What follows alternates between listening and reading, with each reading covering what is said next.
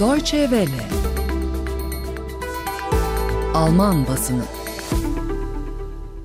8 Temmuz 2020 tarihli Alman gazetelerinin yorum köşelerinde sığınmacı göçü, Afrika'da artan açlık ve Hong Kong'daki sosyal medya platformlarının durumu ele alınıyor sayın dinleyiciler. Avrupa Birliği İçişleri Bakanları salı günü bir araya gelerek Akdeniz'den sığınmacı göçü konusunu ele aldı. Rhein Zeitung'dan bu konuyla ilgili bir yorumla başlıyoruz basın özetlerimize.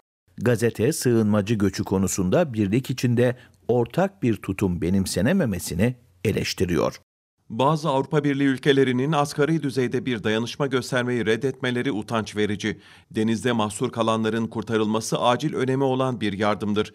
Elbette 27 ülkeden oluşan AB bir topluluk olmak istiyorsa mültecilerin yükü sadece 3 veya 4 üye devlete yıkılamaz. Herkes yardım etmeli. Yunan adaları Midilli, Sisam, Kos, Leros ve Sakız'da 40 binden fazla mülteci normal kapasitesi 6 bin kişilik olan kamplara tıkılmış durumda. Dar bir alanda yetersiz su, yetersiz mesafe, yetersiz hijyen, yetersiz tıbbi bakım. Bu durum özellikle şu anda koronadan da bağımsız olarak oldukça kritik. Avrupa aslında daha fazlasını yapabilir. Junge Welt gazetesi de aynı konuda kaleme aldığı yorumda hem Almanya'yı hem de Avrupa Birliği'ni eleştiriyor.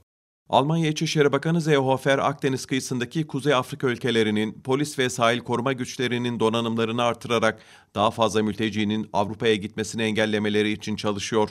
Ne Seehofer'den ne de Avrupa Birliği'nin geri kalanından değerler topluluğu ilkesini yansıtacak şekilde güvenli bir kaçış koridoru oluşturulması ya da en azından büyük ölçekli bir sivil kurtarma misyonu başlatması gibi öneriler getirmeleri beklenemez.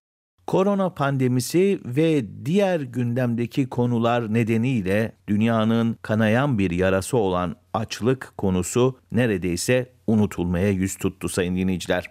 Alman Açlıkla Mücadele Örgütü Welthungerhilfe'nin yıllık raporunda Afrika'daki acil duruma işaret edilmesi Reutlinger General Anzeiger'in yorum köşesinde ele alınıyor.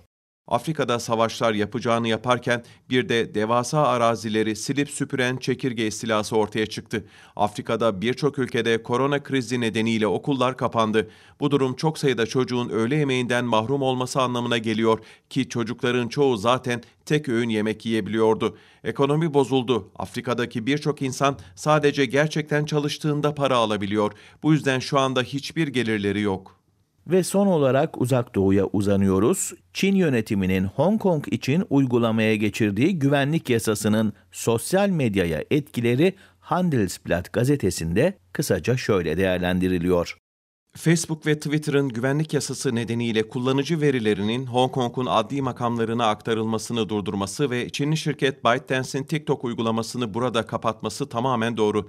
Ekonomik koşulları gereği özgür ve adil bir pazara ihtiyaç duyan şirketler baskıcı yöntemlerle işbirliği yapamaz. Batılı politikacılar şimdi bunu Tiananmen meydanındaki iktidara açıkça anlatmalı. Alman basınından yorum özetlerini dinlediniz.